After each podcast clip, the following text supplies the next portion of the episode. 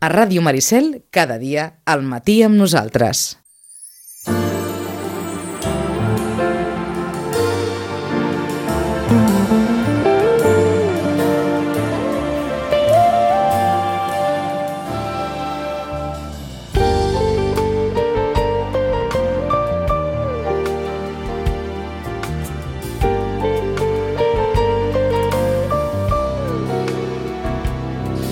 Un quart d'onze del matí, Joaquim Millan, bon dia. Molt bon dia. Benvingut a una nova Hora d'Europa amb la col·laboració d'Eurolocal. Com sempre, eh, doncs una mica per, per tancar un any un any que era ple d'incerteses i que es Correcte. tanca amb les mateixes incerteses amb les que el vam obrir. Especialment amb l'àmbit de, del Brexit, és un dels temes que ja portem temps parlant-ne, ocupant pàgines de diaris, tertúlies, eh, etc. I seguirem perquè veiem que aquest tema eh, no, no està massa clar com acabarà i estem ja tres mesos del deadline, eh, de la data, eh, diguéssim, de, a, a dintre o fora, que és el mes de març de l'any vinent, i veiem propostes que s'estan fent darrere, darrere temps, eh, intentant doncs, bueno, a veure com es pot desbloquejar una situació que, que ha arribat ja al seu límit. No? Això no només és un tema que, ens, que afecta els britànics, sinó les conseqüències, eh, en un sentit o en un altre, ens afectaran a tots. I per tant també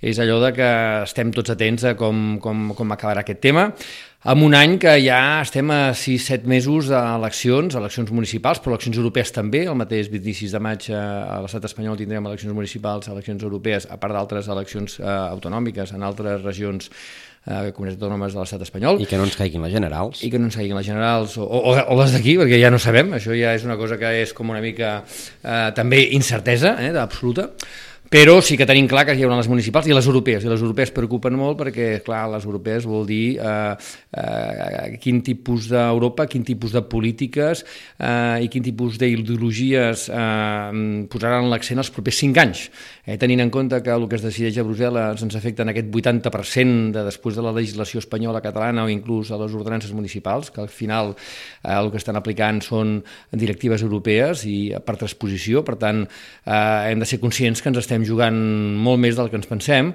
i per tant també en un escenari de, de, de cap on va Europa. Eh? Poder, poder és una de les grans preguntes que no hi ha massa respostes en aquests moments que com a mínim eh, tinguin el el, el convenciment d'engrescar la ciutadania en un sentit o en un altre en aquest, aquest, en aquest projecte europeu. No? Doncs saludem ja eh, en aquest punt, Joaquim, eh, aquí, aquí, aquí. I endullem, endullem els cascos. És que hem, hem anat la cosa tan ràpida per, per començar que això, ja, ja el tenim correctament avillat. Eh, saludem el nostre primer dels, dels tertulians que eh, ens acompanyaran avui i que feia, feia uns, uns quants mesos que no, que no podíem parlar amb ell. Albert Balada, bon dia. Molt bon dia. Uh, anava a dir des del sol de, de Sitges, no sé si el sol de Lleida. Hi ha una boira espessíssima. Mm. Estem esperant la pluja que hi haurà demà perquè les baixi una mica. Ah, vaja.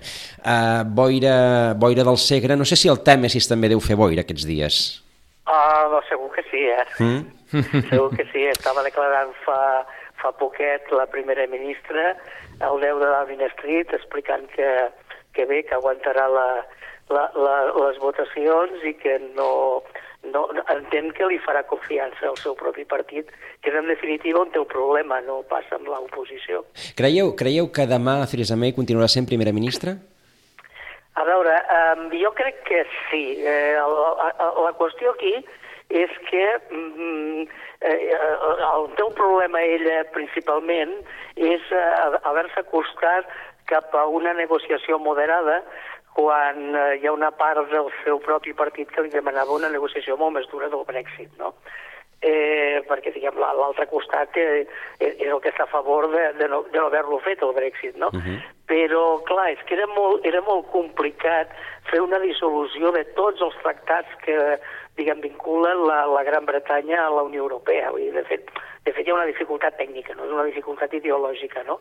I no podia anar, no podia anar per aquí. És una cosa la dissolució del Tractat de la Unió, però hi ha tot un seguit de tractats en paral·lel que, que, que, que es fan pràcticament impossible a curt termini desfer-los, no? I, I, de fet, jo gairebé diria que és una qüestió im impossible. La relació de Gran Bretanya no pot ser la d'un país tercer amb la Unió Europea, perquè ens situem.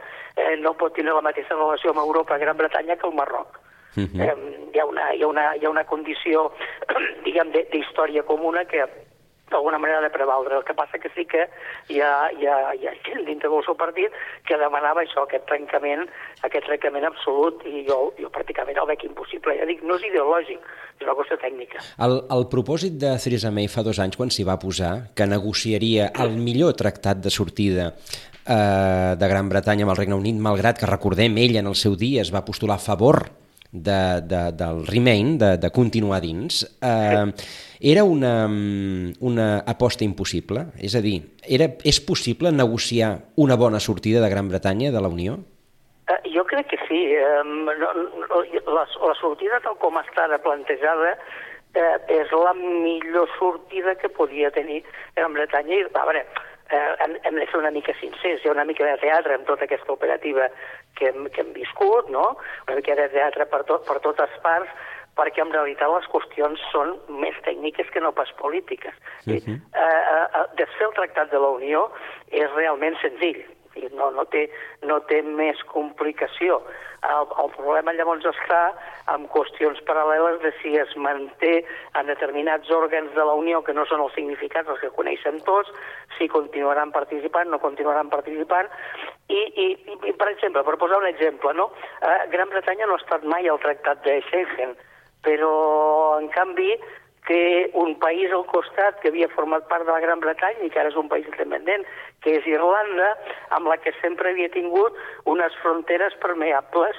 Si trencar el Tractat de la Unió suposava eh, la no aplicació literal del Tractat de Schengen, suposava posar barreres, a Irlanda, que és el país aquest que m'estava referint, eh, eh, què fem? Les mantenim o no les mantenim? Aquí hi havia un, un cert un cert debat de, de, del que feien, però i tret aquestes coses més, més puntuals i que poden, poden sospitar, diguem, poden aixecar els ànims, la qüestió era relativament més senzilla, l'altre és bastant teatre, des del meu punt de vista. Veieu que després de, de que hagin sortit fins i tot dubtes eh, sobre en, en quin estat d'ànim van votar en els seus dies els britànics al Brexit i si van ser influïts per a través de, de campanyes instrumentalitzades, etc etc, es pogués arribar a plantejar la possibilitat d'un segon referèndum o fins i tot d'una aturada puntual d'aquesta sortida al març? A veure, aquí, aquí coincideixen mm, do, dos factors en tota aquesta gran teatralització que jo us deia. Primer, eh, eh, que els britànics van votar influïts, evidentment, tots votem influïts, per, perquè són les campanyes polítiques, sinó per influir-nos i per fer-nos canviar o, o per reformar les nostres idees. Eh, això, diguem, són arguments molt febles. No, no, no que me'ls hagueu dit vos, no, sinó que és, és un argument que hi ha, però és evident. I quan, quan un referèndum se situa sempre... Quan refer... Digui, digui. No, no, no, eh? no he dit res, no he dit res. Endavant. Ah, no, quan, quan, el referèndum que se situa al 50% eh, sempre posa la qüestió de si aquell altre 50% podria ser més del 50%. Però, al, al mateix moment, ens apareix que el, el, el Tribunal Europeu ratifica que Unió, que a la Unió podia tornar a entrar a la Gran Bretanya. No tenen res a veure aquestes dues coses. Era, era per si hi havia el dubte entre si Gran Bretanya podria tornar a entrar, hauria de fer el procés com si fos un país extern o no. Uh -huh. D'acord. No, no sé sí, si sí, sí, sí. explicat una mica el És a dir, dir. ells, ells tenen el, el botó nuclear d'aturar la sortida en qualsevol moment abans del 29 de març. No han no de... només això, que ells poden tornar a decidir entrar a la Unió Europea. Uh -huh. A posteriori. Eh, recordeu que era un argument de la Unió Europea que es deia no podreu tornar a entrar, si us n'aneu ara, uh. -huh. us que posareu a la cua. D'acord, d'acord. El tribunal diu, no, no, poden decidir en qualsevol moment tornar a entrar. No té res que veure amb que es pugui aturar el procés ara. Uh Mhm. -huh. Són coses completament diferents. Però, clar, han sortit en un moment en el que podia semblar, mira, mira, es pot aturar el procés, sembla que són coses diferents. De totes maneres, aquí, Albert, el problema que tenim també, eh, que no ens hem d'estar de, de dir-ho, és que com que és la primera casuística que succeeix en aquest àmbit, mai abans havia passat, clar, el que passa és que estan pagant també les conseqüències d'una negociació d'un estat membre que marxa, que fins ara no havia passat mai, no? I per tant, eh, s'estan resolent no les incògnites pures i dures del cas britànic, sinó les de qualsevol estat que hagués volgut marxar, clar, es plantegen coses que per primera vegada, no? I per tant també estan pagant també una mica eh, el pato, perquè, que, bé, que ens entenguem, de, de, de, de ser els primers que han decidit marxar sense saber massa bé quines regles de joc hi han i també descobrir que això no és tan senzill, que és molt difícil, que és molt complicat i que, evidentment, poder aquests dos anys que es posaven, que es deien de negociació, doncs igual eh, s'ha perdut molt temps a l'inici i ara s'ha d'anar a córrer, córrer perquè bueno, s'està exaurint no? aquest pla que teòricament eh, marca per aquesta negociació i per mm, prendre la decisió de marxar, no, Albert? Sí, eh, bueno, de fet aquí ha passat una cosa que jo, que jo crec que és un, un, un error britànic. Um, a veure, qualsevol um, tractat que, se, que, signa un, que signa un país eh, eh, eh, l'ha de ratificar el Parlament d'aquell país, no? Uh mhm. -huh. Per tant, eh, eh, entendre que la dissolució d'un tractat no l'ha de ratificar també el Parlament, eh, per mi era una mica ingenu, que és el que va portar la resolució de, del, del Tribunal Suprem, bueno, que en realitat és la Cambra dels Lords fent funcions de, de Tribunal Suprem de, de, de Gran Bretanya, de, que, que, que diu, no, no, però és que l'acord que tu prenguis, govern, l'has de tornar a ratificar al, al teu Parlament, vull dir que, que és el que està portant força, força retard aquí, eh, el que està retardant-ho tot. I jo crec que és d'una ingenuïtat política impressionant, perquè torno a repetir, és una qüestió tècnica. Si un tractat quan tu negocies, encara que el signis te l'ha de ratificar un Parlament, si sigui l'estat que sigui, és evident que quan te'n surts el procés és a la inversa, és exactament igual. El Parlament ha de ratificar la dissolució d'aquest tractat, no? Uh -huh. eh, jo crec que aquest més més aviat el, el, el, el problema... A, a vegades la política aconsegueix distorsionar molt la qüestió tècnica, perquè vull dir, això que us estic parlant és una qüestió tècnica, no qüestió política, no? I suposo que intentaven evitar aquesta discussió política so, sobre, sobre el Brexit que, que repetia la, la discussió que hi va haver en el seu moment per, per l'ingrés de la Gran Bretanya a la Unió Europea. O sigui, és, és, és, un, és un peix que es mossega la cua, no? No, és, no és una qüestió que surti ara, de si els britànics volen ser o no volen ser eh, diríem europeus, eh? no, ja sé que això té que, té que veure amb la Unió Europea, però és, és la discussió de o britànic és britànic o, o és també europeu, uh -huh. no? Mhm. Vull dir, s'ha tornat a repetir. I no volien, però és inevitable, i això és el que porta moltíssim, moltíssim al retard. Vull dir, si haguessin acomplert el, el, el, els ítems que de fet s'havien, sense necessitat d'acudir al Tribunal Suprem del país perquè dictés sentències sobre si havia de ser o no havia de ser, jo crec que s'hauria ratificat fa mesos. Uh -huh. Una pregunta que ara també ens plantegem, d'una de les circumstàncies del moment que això es produeix, que també ha sigut casual, però bueno, resulta que això eh, ho estem comentant a pocs mesos de les eleccions europees. Com això es pot ens pot afectar a la campanya? Com es pot instrumentalitzar cara a la campanya? De quina manera això pot influir a la propera campanya eh, de les eleccions europees del maig de l'any vinent, tenint en compte que eh, bueno, també hi ha altres temes sobre la taula, com és també les, eh, la, bueno, el creixement d'ideologies d'ultradreta arreu d'Europa i també a l'estat espanyol, ja ho hem vist els darrers anys i específicament a les últimes eleccions eh, a Andalusia, eh, com això també afecta les, com afectarà també a les, a les properes polítiques socials, donades les circumstàncies que amb aquesta etapa Juncker s'han anat d'alguna manera abandonant en algun cas. Com veiem, com creus tu que a, a la situació del Brexit influirà i en tot cas també com veus tu aquesta campanya a les eleccions europees? Bueno, jo, jo crec que la, la qüestió del Brexit no fa més que posar sobre la taula un, un, una qüestió que d'alguna vegada ja hem parlat també en aquest programa vostre, no? I, bueno, hi ha, hi ha un cert descontentament amb eh, un, un descontentament que no estava escrit, que no està posat als mitjans, però sí que es palpava sobre el model de, de la Unió Europea que, que, que estava sorgint, eh? sobre aquest monstre burocràtic més que altra cosa que és el que s'estava creant. No? Eh, el Brexit el, el, el, el fa palesa i, i el sorgiment de determinades... Eh, jo em resisteixo a lo d'extremes dretes, extremes esquerres, esquerres dretes, és una qüestió, diguem, de, de, de, formació meva eh, i de formació professional, no? Però el sorgiment, diguem, de moviments refractaris també, eh, que, que, que millor amb pensaments no tan distints als que han portat els britànics a voler marxar de, de, de la Unió Europea, situen eh, la qüestió europea en un moment molt delicat i suposo que tothom intentarà dir la seva en aquestes eleccions eh, que no porten més a la discussió tradicional de quina és l'Europa que volem i quina és l'Europa que fem. Eh, de totes maneres, eh, és una qüestió mm, que va marcada en un context, no, no vull dir global, que la paraula no m'agrada gaire aplicar-la aquí, però sí diria en un context internacional, en un context mundial. Eh, hi ha una tendència que ja venen estudiant els sociòlegs des de fa anys, que apuntaven que en el moment en què eh, s'acabés, eh, diguem, de, de, de destruir, diguem, la concepció de, de globalització i s'anés a un model multilateralista, neixeria el que se'n diu la tribalització. I si us hi fixeu és el que ens està passant precisament a Europa. La, la paraula és una mica grollera, però no, no, no ho és en el sentit des de la ciència política. Tribalització vol dir el retorn al, al, als conceptes nacionals en, enfront d'un concepte nacional europeu. Doncs bé, jo crec que és el que estarà passant i la, la campanya jo crec que sublimarà substancialment això. Uh, creieu que hi ha un fil conductor uh, que neix probablement o, o neix a prop del Brexit i que pot unir els diferents, mm, eh, les diferents ideologies extremes que, que bé que s'estan doncs, eh, imposant o estan creixent en diversos eh, països de la, de la Unió, llegeixis eh, Le Pen a França, llegeixis Salvini a Itàlia, llegeixis eh, Vox a Espanya, llegeixis eh, doncs, altres, altres casos més eh, a Holanda, etc.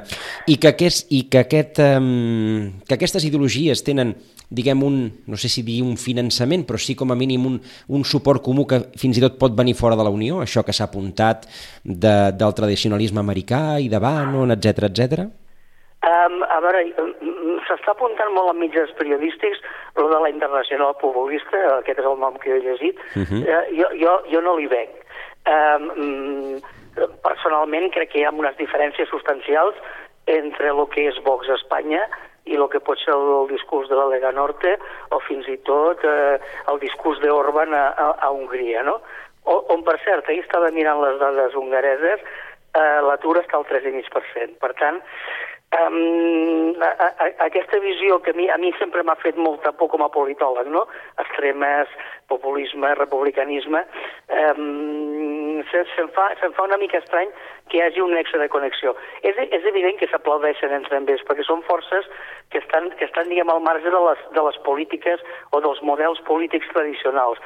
Eh, llavors, pues, tota aquesta gent, pues, bueno, amb el cas de Marie Le Pen, que no té res que veure el, el moviment de, de, de, de l'antic Front Nacional, que em sembla que és eh, reagrupament per la República, no sé quin nom li han posat ara, i que aplaudeix el sorgiment de Vox. Segurament no tenen res que veure un amb l'altre, però com que els dos són marginals a la política francesa, o diguem, francesa i espanyola, doncs eh, s'aplaudeixen. Jo no veig que hi hagi una connexió internacional entre entre altres coses, perquè quan escoltes els discursos són força diferents.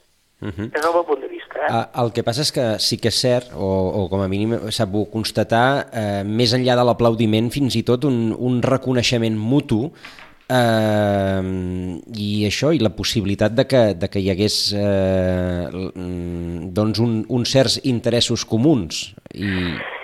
Eh, jo, jo crec que aquí s'estan confonent bastantes, bastantes coses. És a dir, el, el moment en què el, el president Trump eh, assoleix la presidència dels Estats Units eh, i estableix una, una nova forma de, de lideratge, eh, això té un, un efecte refractari sobre la, la, la, la política tradicional o la política convencional.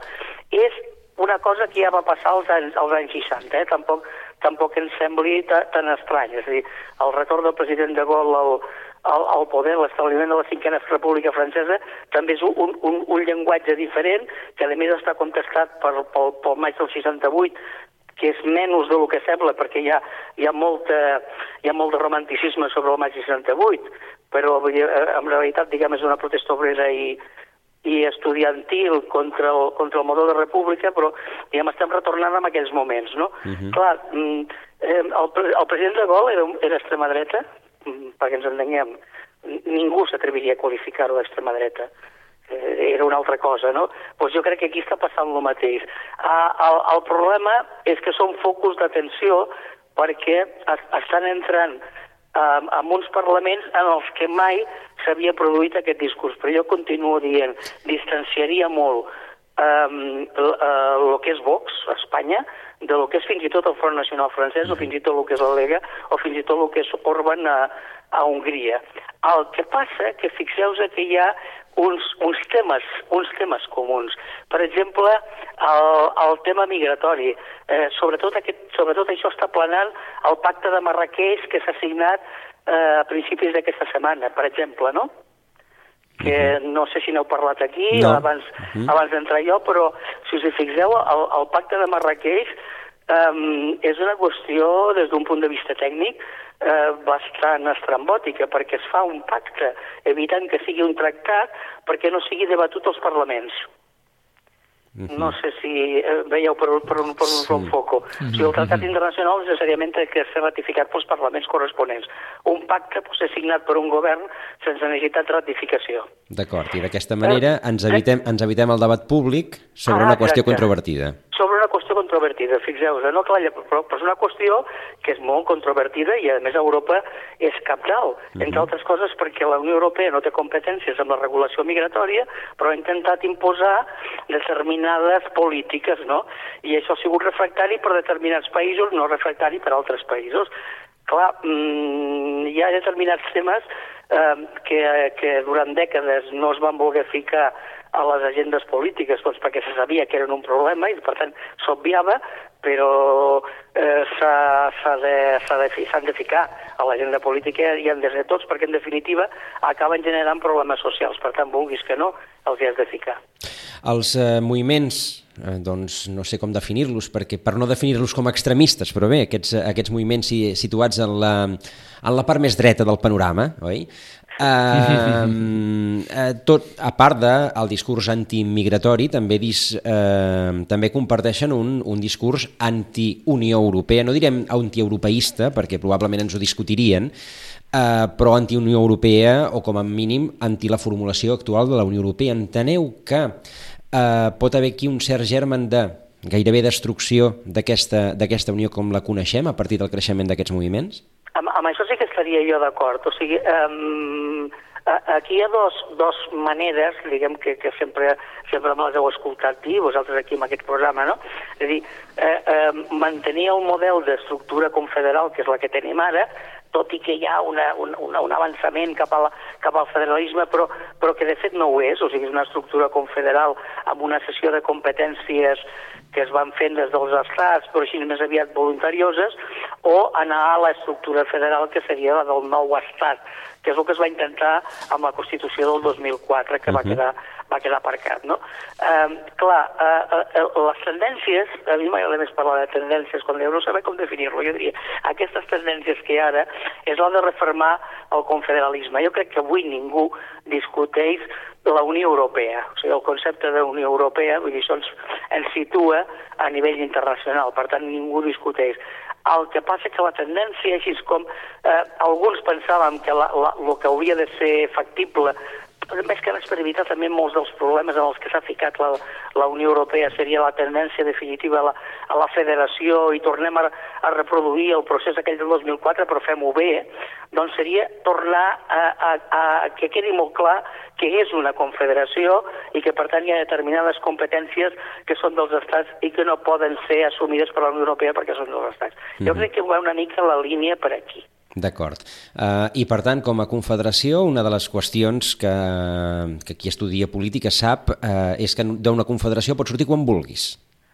Uh, sí, sí, sí, efectivament. Com el, gran, com el Regne Unit. Com, com ha fet el Regne Unit. Sí, sí. No, no, a, a, més, a més la qüestió és així. És dir, posem, per exemple, el cas de, dels Estats Units d'Amèrica. Uh -huh. Els Estats Units d'Amèrica neix com una confederació, després es converteix en una federació, i estats que han intentat sortir, com seria el cas de Texas o com seria el cas de Califòrnia, eh, no poden, hi ha sentència del Tribunal Suprem que els diu no perquè veu fer la cessió permanent de la vostra sobirania a la federació, per tant no us en podeu anar. Uh -huh. A una confederació, sí. Una confederació tothom se'n podria anar quan volgués, cas com és el que ha fet Gran Bretanya. Uh -huh. Clar, suposo que també la Unió Europea s'està plantejant que no pugui passar coses similars en, en aquest moment i, per tant, penso, aquí, aquí estic fent política i ficció ara jo, uh -huh. eh, que, eh, diguem, segurament rebaixaran aquella tendència a, a, a entrar en polítiques que no li corresponen, no? Vull dir, de, entrar en coses que, que, que no toquen, no fos cas que hi hagués algun d'estat d'aquests que se'ns enfadés molt. D'acord. Uh, doncs ja que entrem en el món de la política ficció i per acabar, uh, traiem la, la, la bola de, bri, de vidre, que és una bola que a vegades li demanem a l'Albert, oi? Uh, I aleshores, uh, diguem, ho plantejaré fins i tot com si féssim una enquesta telefònica. Què creieu que passarà? Punt número 1, uh, Brexit amb acord. Punt número 2, sortir de la brava. O punt número 3, nou referèndum.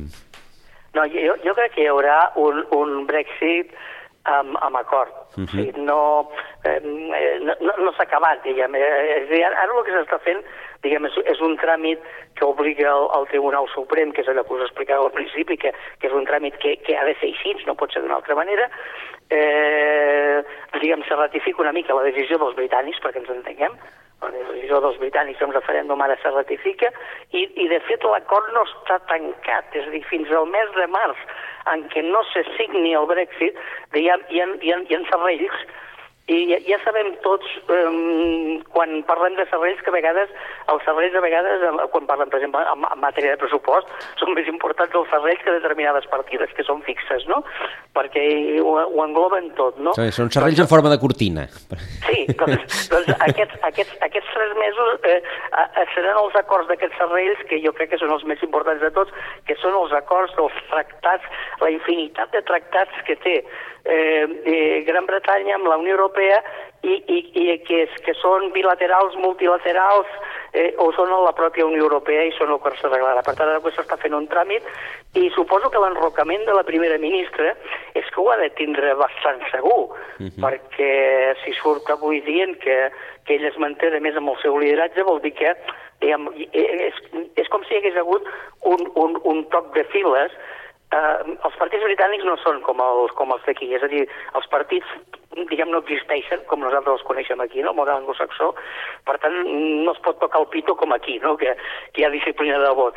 Però és pro probable que hi hagi, hi hagi hagut una certa, diguem, eh, solució pactada i, i que potser pues, de, de, dintre de vuit mesos o, o un any com a molt, doncs aquesta senyora es retiri de la política i passi, passi el testimoni amb algun altre. Eh? Vull dir, d'algun acord eh, estic fent política ficció, eh? Que, uh -huh. que quedi clar que no tinc cap informació, però suposo que, que, hi, deu, que hi deu haver això. La segona pregunta que em fèieu, perdoneu, no, no, me... no, no eh, eh, la pregunta era, era una, era que triéssiu entre els tres, els tres models de sortida. Els tres escenaris. Sí, els tres no, escenaris. Jo, jo, crec, jo crec que l'escenari l'escenari és, és, és, és clarament el, del, el de l'acord. Eh? D'acord. Uh -huh. I, mhm. I, a més, serà, serà un acord, diguem, de...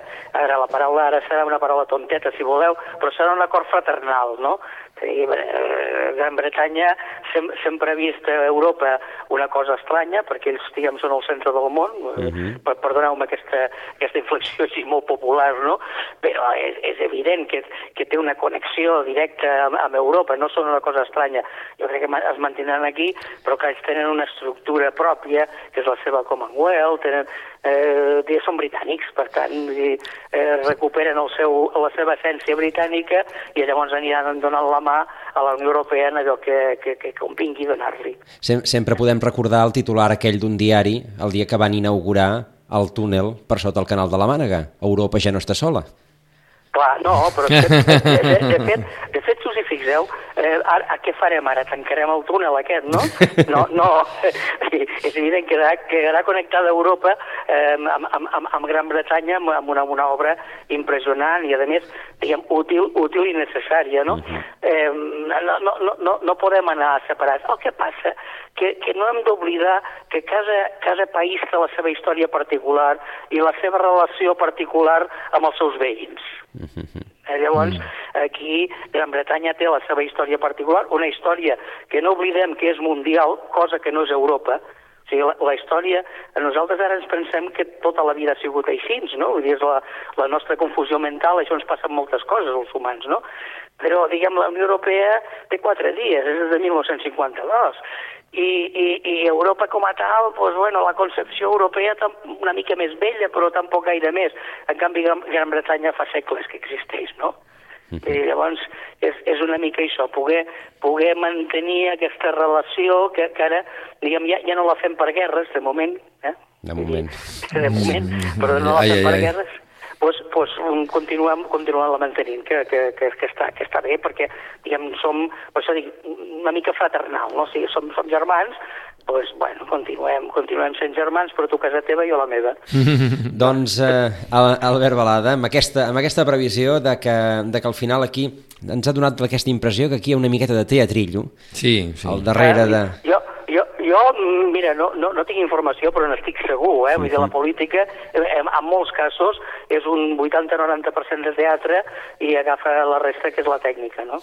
Doncs, eh, a veure, el 29 de març eh, sabrem més coses i, i sobretot avui sabrem més coses perquè si May sobreviu doncs probablement tindrà, com deia l'Albert, alguna cosa eh, lligada. Albert, moltíssimes gràcies. Gràcies, Gràcies a Albert. vosaltres i que passeu unes bones festes Igualment. i un bon d'any. Igualment, fins l'any vinent.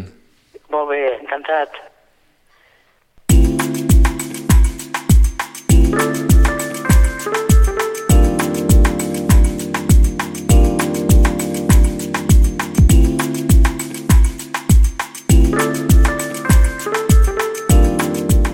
Doncs eh, hem tingut gairebé una lliçó, eh? perquè ha tingut un, un, punt, eh, un punt acadèmic. Eh, avui la, la conversa interessant que hem tingut, com sempre, amb la- amb l'Albert Balades. Bàsicament ens hem centrat més en el Brexit que en les eleccions, eh, perquè probablement és el, que, és el que més preocupa i el que més condiciona el que, el que acabi passant. I probablement mm, també del Brexit, parlarem eh, amb el president del Consell Català del Moviment Europeu, el senyor Xavier Ferrer, que és un altre dels nostres contertulians eh, habituals. Senyor Ferrer, bon dia. Bon dia. Parlàvem el senyor Balada del, del Brexit, eh, si hi haurà Brexit, si no, ell pronosticava que, que probablement sí que evidentment això tirarà endavant i tirarà endavant amb un, amb un acord, si han de tocar alguna cosa la tocaran, però, però poca cosa tocaran respecte del que, del que, hi, han, del que hi han pactat. Eh, coincidiu amb aquesta imatge? Sí, eh, sí, però és difícil pronosticar alguna cosa perquè segurament la setmana passada ho diríem d'una altra manera. Jo mateix vaig dir o deia que potser era un desig, no?, de que el millor seria que ahir eh, es hagués votat l'acord aquest. Uh -huh. El millor per les dues parts, perquè a vegades perdem de vista de que sembla que només hi tinguin a perdre els britànics aquí i ens oblidem i de que la Unió Europea, o els països de la Unió Europea i els ciutadans de la Unió Europea de la, de, de, que quedarà, diguem, dels 27, doncs també si hi ha un, un mal acord o si no hi ha acord, també en pagarem, diguem, les conseqüències. Per tant, jo es confio que amb el pragmatisme britànic de sempre i aquesta postura, eh, diguem, dura però també flexible, de la Unió Europea, que no és més que un acord, una postura d'un acord com el que més o menys esté en Noruega o en Suïssa, no? Uh -huh. Per tant, eh, des d'un punt de vista, diguem, normal,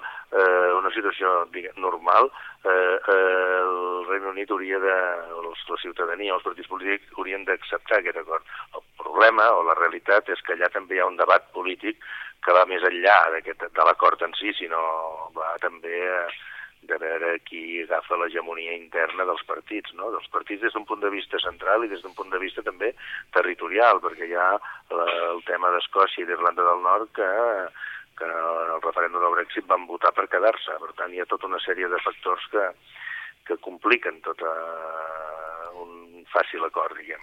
Uh, malgrat sigui bo l'acord, o el millor acord possible, uh, coincidiu en allò que s'ha dit sempre que qualsevol divorci és dolent per les dues parts? Sí, però sí, és així, és, però, però un cop se, se decideix que, uh -huh.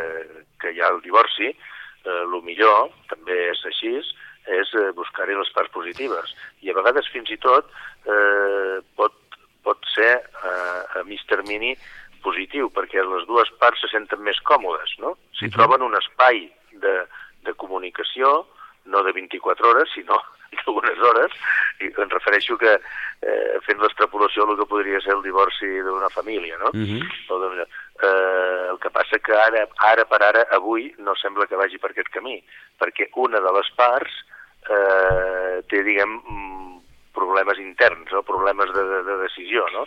I l'altra, tot i que hi va haver aquest, aquesta torner amb tres, dies, amb tres eh, reunions importants de mail per veure si, si podia, avui que haurà de guanyar aquesta moció de censura, si finalment es fa, eh, volia treure a veure que, eh, quin acord podia treure o quina eh, de, de, de, de les, dels mandataris importants de la Unió Europea, però que d'alguna forma se li ha dit que l'acord acordat seria el mateix i el que sí que hi pot haver doncs eh, li facilitaran eh, altres espais que pot ser doncs, el tempo, el, la manera, de, una interpretació de les aplicacions, tot, bueno, veurem eh, com això avui a la tarda ho ven Teresa May, però dubto molt que, que faci canviar les posicions eh, polítiques internes dels diferents eh, partits i dintre de cada partit de les diferents faccions o grups eh, del Regne Unit. Uh -huh. De totes maneres, Xavier, com deia abans amb l'Albert, mm, clar, eh, és la primera vegada que passa, és com si tenim, eh, amb el Tractat de Lisboa teníem la llei de divorci, aquest és el primer divorci i, per tant, també és veritat que aquests dos anys han passat molt ràpid, especialment els primers mesos, eh, doncs, eh, bueno, encara una mica assentant i ara sembla que, bueno, els, els últims mesos s'ha de córrer, córrer, córrer, i clar, està arribant a l'últim, eh, el deadline, a l'últim dia, i aquí ara comencen a sorgir molts problemes més dels que es pensaven, perquè realment, doncs, esclar, no, no, no és tan fàcil eh, aquest tipus de divorci després de tants anys i amb tantes implicacions. Això per primera banda. I per altra banda, com tu creus que això eh, en els propers mesos pot afectar unes eleccions al Parlament Europeu que són poder les més importants que hi ha hagut a, a nivell europeu dels darrers temps, eh, donades les circumstàncies d'aquests darrers cinc anys. Eh, recordem, i abans ho parlàvem també, eh, el 2012, per exemple, la Unió Europea rep el Premi Nobel de la Pau amb època Barroso i en cinc anys eh, els propis europeus no donaríem aquest Premi de la Pau per moltes raons, el tema de les refugiats, eh, com també s'estan retallant o es dona la sensació sensació que s'està retallant eh, eh, drets eh, dins, eh, dins la Unió Europea, eh, els estats que d'alguna manera doncs, eh, fan una mica a vegades el que volen sense tindre en compte les recomanacions de, de Brussel·les. Clar, com veus tu que aquest tema també pot afectar amb unes eleccions europees que es plantegen realment de, de manera molt important? A veure, les eleccions europees eh, afectarà aquest, aquesta situació del Brexit. Veurem en el mes de març o abril com està, si realment ja han sortit eh, o no de la, de, la, de, de, de la Unió Europea, perquè hem de recordar que, que no s'ha dit, no sé si ho heu dit abans, però eh, el Tribunal de la Unió Europea ja ha facilitat eh, la possibilitat de que, de que el Regne Unit s'ho repensi tot això, no? Per tant, poden passar moltes coses amb, amb el Brexit. Cosa, aquesta, aquesta decisió fa 15 dies no hi era, aquesta uh -huh. posició de la Unió Europea eh, a, les, a, les eleccions, a les eleccions europees afectarà, òbviament, com dic, el Brexit, però afectaran moltes més coses. I eh, aquesta situació que ara ens trobem a França, eh, també la postura d'Hongria amb els refugiats, com ja has dit abans, eh, Polònia, eh, eh, la posició del govern d'Itàlia, que està tan... Però totes aquestes, fins i tot la, la situació interna de l'estat espanyol amb respecte a Catalunya i, aquest, i, i després, doncs, tots aquests moviments i afectats també també per la crisi econòmica o per la sortida de la crisi econòmica, ha propiciat l'auge de partits eh, que d'alguna forma es defineixen com eh, antieuropeus, no? i que fins ara eh, estaven en el Parlament Europeu com una mica d'altaveu intern de cada, un, de cada partit, però que ara eh, ja se sap que volen presentar-se, òbviament cada un la seva circunscripció, però amb un programa comú, amb la idea de fer un grup important o significatiu per poder incidir en les polítiques de la Unió Europea. Incidir de quina manera? Doncs una mica per donar-li la volta i fins i tot per donar molta més potència en els estats. Per tant, els partits tradicionals, la societat, diguem, civil, ens hem d'organitzar de manera que la gent vagi a votar, que es voti pels partits, eh, diguem, tradicionals, o com a mínim eh, que voti tothom qui vulgui, però partits europeistes, i, òbviament, tot això també s'ha d'aconseguir amb una sèrie, o s'ha de fer amb una sèrie, que aquí ho veig més difícil que succeeixi, de canvis de la Unió Europea i dels propis estats membres que facilitin la visibilitat a la ciutadania de que realment hi ha un canvi de que realment hi ha unes postures de defensa dels drets eh, laborals i dels drets civils que la ciutadania torni a confiar en la Unió Europea que confiava fa 15 anys. Perquè hi ha una cosa que, que a vegades no ens ho plantegem, però recordareu que es deia, amb el tema de, la, de per exemple, i només fa 4 anys, de, del referèndum d'Escòcia, és que Escòcia pot quedar fora de la, de, la, de, de la Unió Europea si guanya el referèndum. I era com la por de quedar fora de la Unió Europea. I aquí també eh, l'Estat es feia servir molt amb el tema català de dir és que quedaríeu fora de la Unió Europea. Pues ara, eh, desgraciadament, eh, hi ha postures que diuen, bueno, pues si quedem fora de la Unió Europea pues no passa res. I això, aquest, aquest canvi de mentalitat de la ciutadania, hem de mirar, de mirar d'evitar-lo, perquè amb el món globalitzat que estem hem d'anar junts, evidentment preservant les, les identitats eh, i la diversitat pròpia de cada, de cada zona. Eh? Eh, i, però eh, com a element polític i econòmic la Unió Europea ha d'existir i ha de ser forta i i unida. Però, sens dubte, però es, eh, en el cas concret de, de l'estat espanyol, si, la, si ja posen les eleccions eh, europees al mateix dia que unes municipals, que unes autonòmiques i que vés a saber si unes generals, no ajuda gaire en la visualització de l'especificitat que esteu comentant. Sí, però això té, té, té una doble visió. Eh, L'especificitat de les eleccions europees, eh, si, quan es fan soles, com que, eh, quan es fan, no es fan, quan, com que com que no són molt... Importants. La, la, la gent, importants ho són molt. Sí, sí, no, no, no, no, no, són, no són percebu gent, percebudes com importants, la, la, la, la ciutadania no les percep com importants. Correcte. És el que s'ha d'explicar aquests mesos. Uh mhm. -huh. eh? S'ha de fer una campanya de comunicació i d'explicació, des del Consell la farem en els municipis, irem, tenim ja preparat, de, de, de, de, de per què serveixen. Mira, ja aprofito per dir que el 28 de, de gener en el Parlament de Catalunya. Fem una jornada que es dirà per què serveixen les eleccions, on què ens afecten les eleccions europees, perquè ens afecten en moltes coses el que decideix, el que es decideix finalment, les lleis que finalment s'implementen a cada un dels països, el Parlament Europeu cada vegada hi té més a dir, i evidentment, si el Parlament Europeu, els grups del Parlament Europeu estan formats pel guanya doncs, el, partit, el Partit Popular o el Partit Socialista, o guanyessin o tinguessin incidència el, aquests partits d'extrema dreta, doncs el que sortiria d'allà, des del punt de vista legislatiu, és molt diferent d'una manera o d'una altra. Per tant, són molt importants. El que passa que perquè la ciutadania percebi aquestes eleccions també hi ha d'haver una, una postura, una capacitat de comunicació i de proximitat eh, que no hi és ara, uh -huh. que, eh, de les institucions europees respecte a la ciutadania europea. Sou optimistes si que la Unió es posi les piles amb això? Uh, tenim un minut, eh? Jo, jo, jo, jo sempre amb, amb, soc, soc, vull ser optimista, em nego a no ser-ho, amb, amb l'hàbit europeu. El que passa que, ho hem parlat moltes vegades amb, mm. amb el Joaquim Millan, no? de que en el que ens hem de posar les piles som nosaltres, som els ciutadans. -huh. En el segle XXI eh, ja i amb les noves tecnologies, i, o sigui, eh, la política també haurà d'anar canviant, però el que faci la ciutadania cada vegada té més, inci més incidència amb els estaments polítics.